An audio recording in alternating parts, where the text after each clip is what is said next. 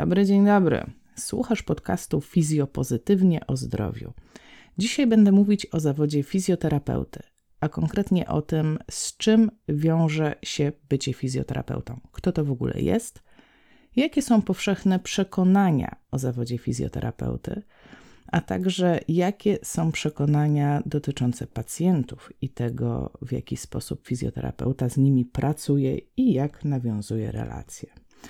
Więc jeżeli jesteś na etapie wyboru swojej drogi zawodowej, być może to pomoże ci zdecydować, czy fizjoterapia jest dla ciebie. Jeżeli jesteś fizjoterapeutą, to również znajdziesz ciekawe informacje na temat postrzegania naszego zawodu. Być może skłonicie to do przemyśleń. No to do dzieła. Kto to w ogóle jest fizjoterapeuta? Na szczęście od pewnego czasu w Polsce mamy dokładnie uregulowaną tą kwestię, więc wiadomo, że fizjoterapeuta jest to osoba, która ma prawo do wykonywania zawodu.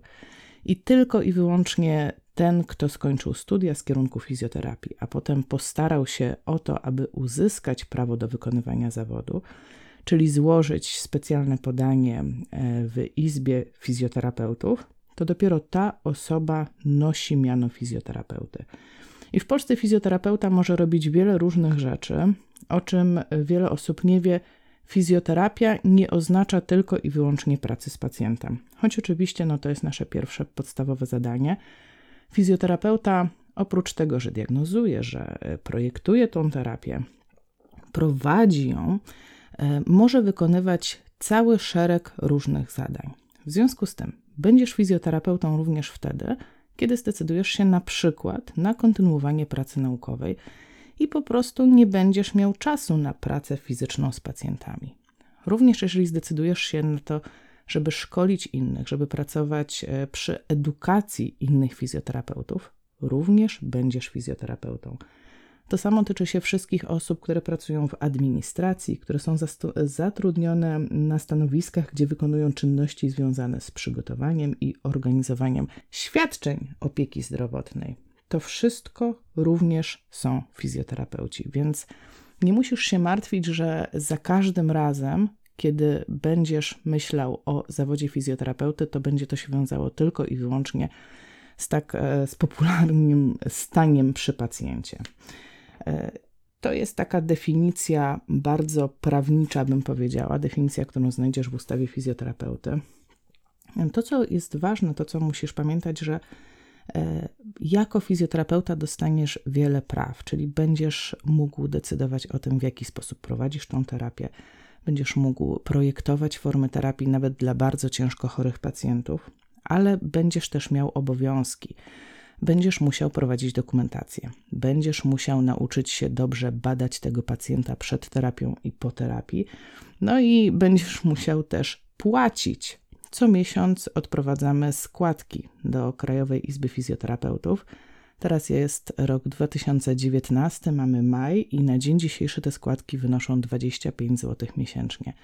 E, więc to są rzeczy, na które musisz się przyszykować, bo dokładnie tak będzie wyglądało Twoje życie jako fizjoterapeuty. E, kim jest fizjoterapeuta?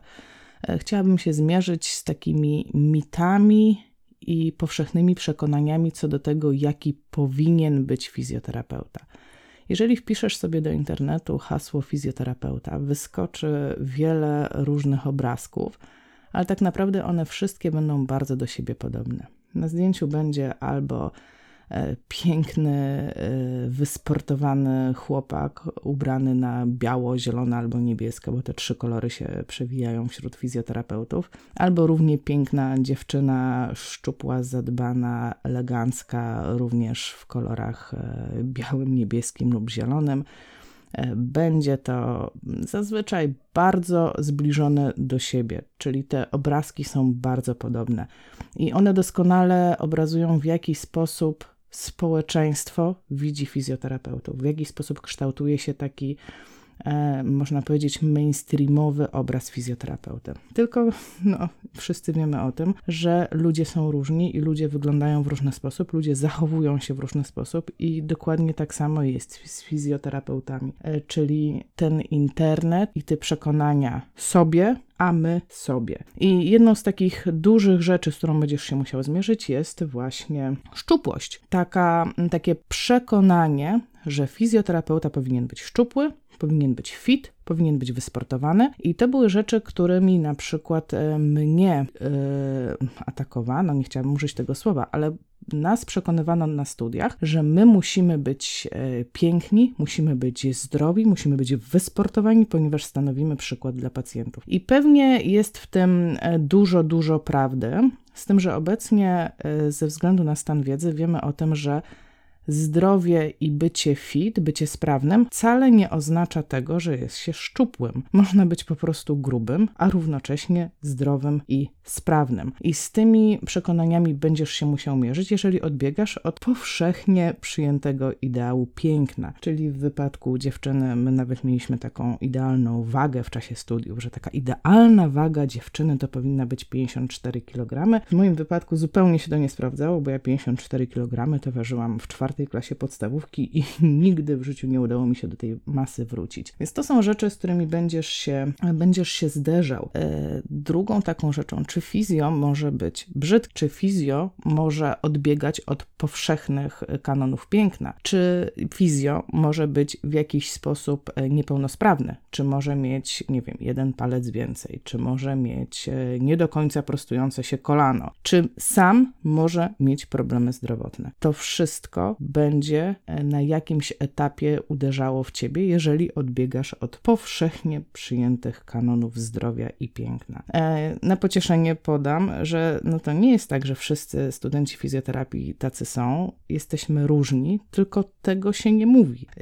ja byłam gruba, mój kolega był niski, drugi kolega był duży i długi i niezgrabny. Były dziewczyny, które nie były w stanie jeździć na nartach, bo po prostu nie ogarniały tego. Były takie, które musiały powtarzać e, zaliczenie z kajaków, ponieważ w trakcie studiów trafi się mnóstwo, mnóstwo prób, które po prostu będą próbami e, przystosowanymi do ogólnego społeczeństwa i to, że polegniesz na kajakach naprawdę nie będzie czyniło z ciebie lepszego czy gorszego fizjo. E, musisz po prostu pamiętać, że będziesz się mierzyć z takimi rzeczami, które są po prostu irracjonalne. E, dla przykładu e, mam e, kolegę, fizjoterapeutę, który jest bardzo dobrym fizjo, bardzo dobrze sobie radzi, bardzo dobrze prowadzi pacjentów i pacjenci bardzo dobrze reagują na niego. A sam mówi, że do 28 roku życia nawet dobrze nie czytał, nie do końca rozumiał, co czyta, ponieważ miał tego typu problemy. Więc jeżeli zastanawiasz się, czy zostać fizjoterapeutą, ale martwi cię, że nie jesteś idealny, to wiedz o tym, że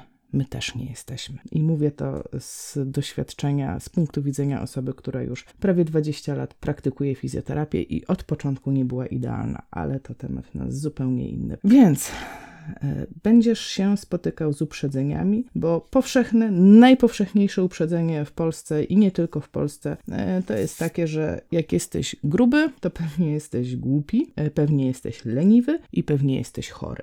Więc po prostu trzeba wziąć to na klatę i dlatego o tym mówię, ponieważ trzeba to zmieniać. Drugim takim przekonaniem będzie to, w jaki sposób wygląda praca fizjoterapeuty. I znowu, jeżeli wpiszesz w internet hasło fizjoterapeuta i tam wyskoczą różne takie gabinety piękne, różne sale, one będą przeważnie świetliste, będą przeważnie znowu biało, zielono, niebieskie. To wszystko będzie w takich ładnych, medycznych kolorach i będą na nich szczęśliwi pacjenci i zadowoleni fizjoterapeuci. No to jest to kolejne przekonanie, które w rzeczywistości um, może może się sprawdzić, ale nie musi. Jest to tylko część pracy fizjoterapeuty. E, tak jak mówiłam na samym początku, jeżeli otworzysz sobie chociażby Wikipedię i wpiszesz hasło, hasło fizjoterapia, no to tam wyskoczy ci e, cały zakres e, tych praw, które ma fizjoterapeuta i tych zadań, którymi się może zajmować. Więc możesz być takim fizjoterapeutą, który po prostu będzie siedział przy biurku. Możesz trafić do szpitala, możesz trafić na stadion sportowy, możesz trafić do ośrodka dla osób niepełnosprawnych, możesz trafić do domu opieki społecznej, do ZOL-u, możesz trafić w teren, na salę gimnastyczną. E, znam nawet takich fizjoterapeutów, którzy pracują na noce, bo taką mają specyfikę zawodu. Oczywiście to wszystko będzie zależało tylko i wyłącznie od ciebie, od tego, jaką ścieżkę zawodową sobie wybierzesz. Niemniej warto wiedzieć, że tych ścieżek jest dużo, dużo, dużo więcej niż pokazuje internet. E, a co do ładnych sal, które widać na obrazkach, one, one są ładne, ale e, często jest tak, że to, co ładne z wierzchu, niekoniecznie jest e, komfortowe od środka. Na przykład mnóstwo sal, które są piękne, w efekcie jest salami dusznymi, bo nie mają otwieranych okien. Bo piękne, nowoczesne sale robi się tak, żeby się nie otwierało okien z przyczyn, nie wiem, bezpieczeństwa, chyba klimatyzacji i tak dalej, więc te wszystkie luksusowe, eleganckie sale w hotelach potrafią być po prostu duszne. E, często będzie tak, że e, będziesz miał kłopot z odpoczynkiem, czyli będzie piękna sala, ale już pokój socjalny nie będzie taki piękny i wy, wykrojenie sobie czasu na odpoczynek będzie stanowiło problem. E, co nie zmienia faktu, że w większości wypadków w tej chwili no, polepsza się ta sytuacja fizjoterapeutów, więc pracujemy w coraz lepszych warunkach. Zaciskam teraz piąsteczki, nie widzisz tego tego, ale żebyśmy mieli coraz więcej pieniędzy w systemie i żeby e, również w placówkach na NFZ e, były dobre warunki pracy dla fizjoterapeutów, no a w konsekwencji też dobre warunki terapii dla pacjentów. E, to, z czym się zetkniesz, to sale, które będą często w piwnicach, Często sale fizjoterapeutyczne będą gdzieś zepchnięte na bok, albo o, w ogóle nie będzie sal. W wielu ośrodkach, e, w wielu szpitalach, w DPS-ach w ogóle nie istnieje coś takiego jak sala do fizjoterapii, a istnieją fizjoterapeuci, czyli osoby zatrudnione w danym ośrodku po prostu chodzą od sali do sali i wykonują tak zwaną terapię przyłóżkową, albo wyciągają pacjentów z, wóz, e, z łóżek, przesadzają na wózki i zabierają na korytarz. E, jeżeli będziesz pracował w szkole, no to będziesz miał jakąś swoją malutką, przeważnie, nie chcę mówić, że tak jest we wszystkich szkołach, ale nie będziesz miał wielkiej sali prawdopodobnie do, do dyspozycji, będziesz miał swój, swój jakiś gabinet i tam będziesz tych małych pacjentów przyjmował. Więc tych możliwości pracy będzie dużo, dużo, dużo.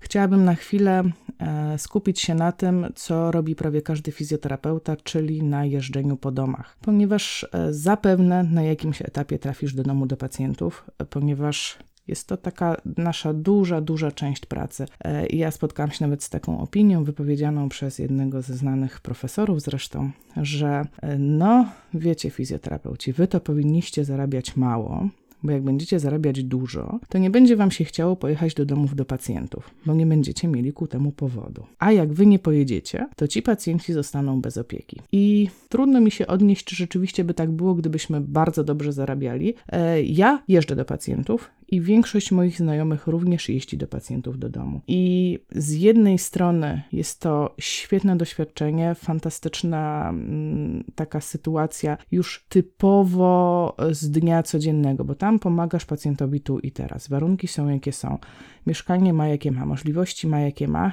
i ty musisz się do tego dostosować. Zacznę od plusów rehabilitacji domowej. E, przede wszystkim plusem jest to, że nawiązujesz bardzo dobre i ciepłe relacje z rodziną i z samym pacjentem. Zdarzy ci się, że będziesz miał jednego pacjenta latami, zdarzy się, że zaprzyjaźnisz się z rodziną i będziesz ich traktował jak, jak swoją rodzinę i oni będą cię traktować tak samo. E, I to są plusy i y, są również konsekwencje tych plusów, ponieważ jeżeli jeździsz do kogoś do domu bardzo długo, prawdopodobnie ta osoba jest bardzo chora i na jakimś etapie będziesz musiał ją pożegnać. Więc prawdopodobnie zdarzy się taka sytuacja, że będziesz na pogrzebie swojego własnego pacjenta i będzie ci naprawdę przykro. I to są emocje, których mam wrażenie nie da się uniknąć w fizjoterapii. Po prostu tak jest. Czasami mamy tą radość wyleczenia pacjenta i od razu powiedzmy sobie, że tych chwil jest zdecydowanie więcej, kiedy są radości, kiedy jest wyzdrowienie, kiedy jest e, szał, że coś się udało.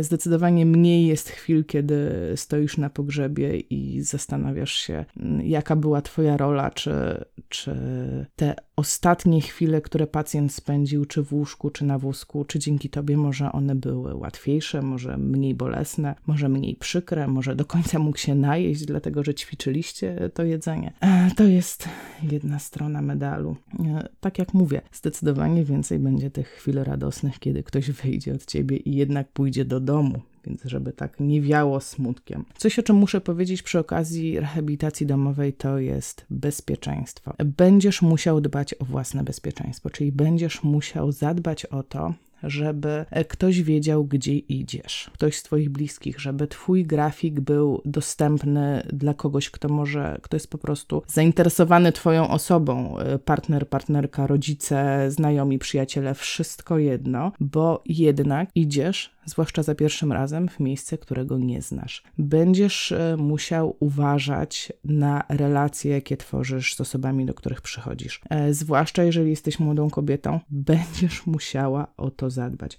E, to jest, myślę, temat na cały odrębny podcast Bezpieczeństwo fizjoterapeuty w pracy, więc nie chciałabym się teraz nad tym bardzo rozwijać, no ale musisz pamiętać o tym, wybierając zawód fizjoterapeuty, że na jakimś etapie trafisz do zupełnie obcego domu, i zmierzysz się lu z ludźmi, których widzisz na oczy pierwszy raz, i często będą to ludzie chorzy, e, i często to będą ludzie trudni.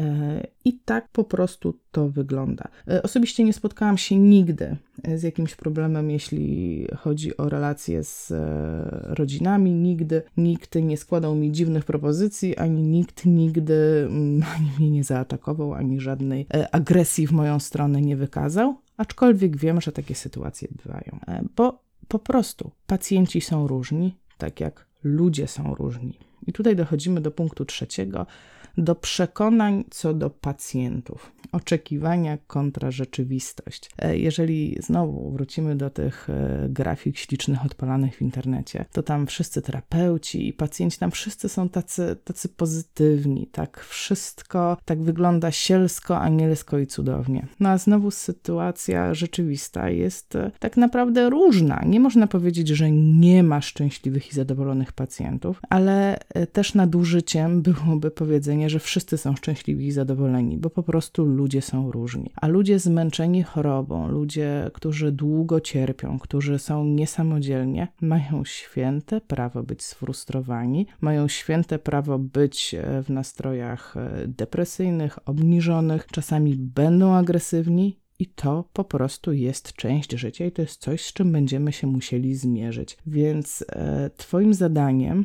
będzie oddzielenie emocji, które na pewno się pojawią, i to ci mówię od razu, tu i teraz. Jeżeli myślisz o zawodzie fizjoterapeuty, to wiedz o tym, że będziesz się stykał z bardzo dużą ilością różnych emocji, również tych nieprzyjemnych, i ze strony pacjentów, i tak naprawdę z własnej strony.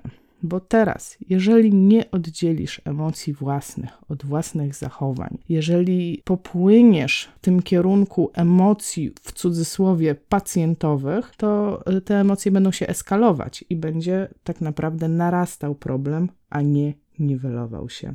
I z czym to się wiąże? Dlaczego tak jest? Pamiętajmy o tym, że nie tylko my mamy jakieś przekonania dotyczące zawodu fizjoterapeuty, ale nasi pacjenci również mają przekonania dotyczące tego, kim my jesteśmy. I jednym z takich powszechnych przekonań jest to, że fizjoterapeuta jest od tego, żeby masować. I ja wiem, że my dostajemy już po prostu szał z tym masażem, że jest to najbardziej chyba hejtowana forma terapii, e, dlatego że no wszyscy chcą od nas masażu, no ale to wynika właśnie z takiego przekonania, że fizjoterapeuta masuje. Więc kiedy przychodzi do nas pacjent, on jest przekonany o tym, że my powinniśmy go masować. Z drugiej strony, my jesteśmy przekonani o tym, że powinniśmy mu pomóc i że najlepszą formą pomocy będzie, nie wiem, ćwiczenie X. I stąd taka rozbieżność. I tutaj potrzeba tak naprawdę naszej umiejętności wytłumaczenia pacjentowi, na czym polega jego problem i w jaki sposób można go e, rozwiązać.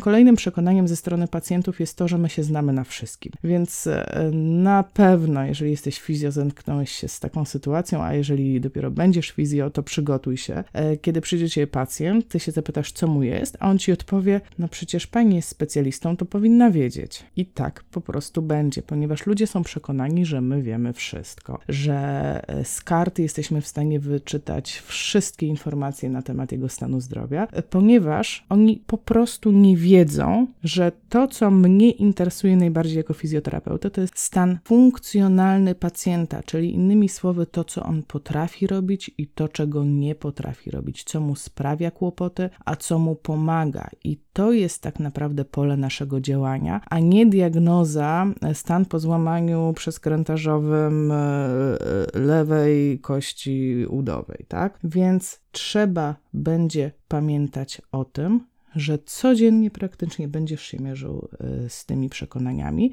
E, I na szczycie gdzieś tych przekonań będzie e, takie twierdzenie, że pewnie fizjoterapeuci to nie mają żadnych kłopotów, że my jesteśmy zdrowi jak ryc. I teraz przypomnij sobie, co mówiłam jako pierwsze o przekonaniach co do tego, jaki powinien być fizjoterapeuta. Piękny, zdrowy, szczupły i wysportowany. Więc dokładnie takie samo przekonanie będą mieć pacjenci na Twój temat. I jeżeli będziesz odbiegał od tego wzorca, prawdopodobnie na jakichś innych polach będziesz musiał zawalczyć o swoją wartość, o w cudzysłowie udowodnienie swojej wartości pacjentowi. E, ale no też, żeby nie było tak, że my jesteśmy święci, absolutnie nie jesteśmy święci i my również my, fizjo, mamy przekonania na temat pacjentów. E, I nie tylko my, fizjo, też, żeby tak troszeczkę złagodzić, mm, zrobiono badania w Szwecji, przepytano lekarzy o to, które choroby są najbardziej prestiżowe, którymi najchętniej by się zajmowali, a które są najmniej prestiżowe. I okazało się, że na szczycie chorób najbardziej pożądanym pacjentem jest pacjent rasy białej, mężczyzna, e, który będzie umożliwiał nam zdobycie profitów, czyli innymi słowy, będzie e, użyteczny w naszej pracy zawodowej, dobrze nam za, za niego zapłacą. E, mężczyzna, który ma uszkodzony mózg, a konkretnie ma guza mózgu, i najlepiej, żeby można było go poddać jakimś procedurom związanym z cięciem tego mózgu, czyli przy użyciu skalpela. To jest najbardziej pożądany pacjent, jeśli chodzi o to badanie. Z drugiej strony mamy pacjenta najmniej pożądanego i będzie to pacjent, pacjent, y, który jest y, kobietą, e, najlepiej niebiałej rasy, e, który ma nawrotową chorobę, najlepiej taką, na którą miał wpływ, czyli jakaś cukrzyca, e, alkoholizm i który ma uszkodzoną wątrobę. To będą pacjenci najmniej prestiżowi i najmniej pożądani. Tak jest, tak jest w Szwecji. Nie posiadam danych co do fizjoterapeutów w Polsce, ale jest takie e, przekonanie, jest taki trend, że najfajniej to pracować z pacjentem, który jest super, który jest czyściutki, e, który ma jakąś najlepiej e, chorobę, nie wiem, uraz w sporcie, bo to znaczy, że był zdrowy, że był fit. Najlepiej, żeby nie miał nadwagi, bo jak nadwaga to już ciężko, więc też mamy takie swoje wewnętrzne przekonania i uprzedzenia, które kierują nas w stronę tych pacjentów, takich nazwijmy ich luksusowych, a gdzieś z tyłu zostawiają właśnie osoby cierpiące na chorobę alkoholową, e, osoby, które mają na przykład otwarte rany, bo to jest niemiłe, bo to jest nieprzyjemne, e, osoby, które się dziwnie zachowują, czyli całe spektrum chorób psychicznych, osoby, z którymi się ciężko pracuje, bo na przykład są po prostu grube, już abstrahując od otyłości, ale już sama grubość e, e, powoduje, że tak patrzymy trochę krzywo na tego pacjenta. I e, dlaczego o tym mówię? Ponieważ tak naprawdę naszym zadaniem powinno być, e, powinna być próba u, e, ujednolicenia swojego podejścia do tych pacjentów. E, czyli to, czy on ma otwartą ranę, która jest nieprzyjemna, nie powinno wpływać na to, jak ja będę zaangażowana w pracę z nim. Powinni być traktowani w równy sposób i tak naprawdę to wszystko zaczyna się w nas, w fizjoterapeutach. To wszystko się zaczyna w naszym, w naszej, w naszej głowie, w jaki sposób my na nich patrzymy i jakie my budujemy sobie na ich temat przekonania. Więc jeżeli y, przekładam swoje przekonania, zamieniam je, ojej, jaka jest gruba, powinna schudnąć, powinna zadbać o siebie, to nie jest mój problem. Więc jeżeli zamienię ten wewnętrzny dialog w mojej głowie na to, co tu i teraz mogę zrobić dla tej osoby, która ma takie i takie problemy, bez zwalania całej odpowiedzialności tylko i wyłącznie na to, że jest gruba, tylko i wyłącznie na to, że ma cukrzycę, tylko i wyłącznie na to, że ma chorobę alkoholową. Być może są jakieś działania, które niezależnie od tych problemów, których po prostu nie lubimy, jak pokazują badania, mogę zaproponować danej osobie. E, I to jest taka rzecz, nad którą chciałam Cię zostawić do zastanowienia się, zwłaszcza jeżeli już jesteś fizjoterapeutą i być może właśnie zorientowałeś się, że e, w Twojej głowie są równi i równiejsi pacjenci. E, to jest coś, z czym chciałabym po prostu zostawić nas wszystkich do przemyślenia. Jeżeli uważasz, że ten materiał jest wartościowy, jeżeli uważasz, że wnosi coś do tematu fizjoterapii, podziel się nim. Wyślij go do swoich znajomych, udostępnij go u siebie na Facebooku e, czy w innych mediach społecznościowych. Znajdziesz mnie na Facebooku, na fanpage'u, który nazywa się Fizjopozytywni. Tam się zbieramy, tam mamy e, nasze zgrupowanie osób zainteresowanych fizjoterapią, szeroko rozumianą. I tam mamy grupę, która jest najmilszą grupą w internecie, bo po prostu nie krzyczymy na siebie, tylko sobie pomagamy. Dzisiaj dziękuję za uwagę i do zobaczenia następnym razem.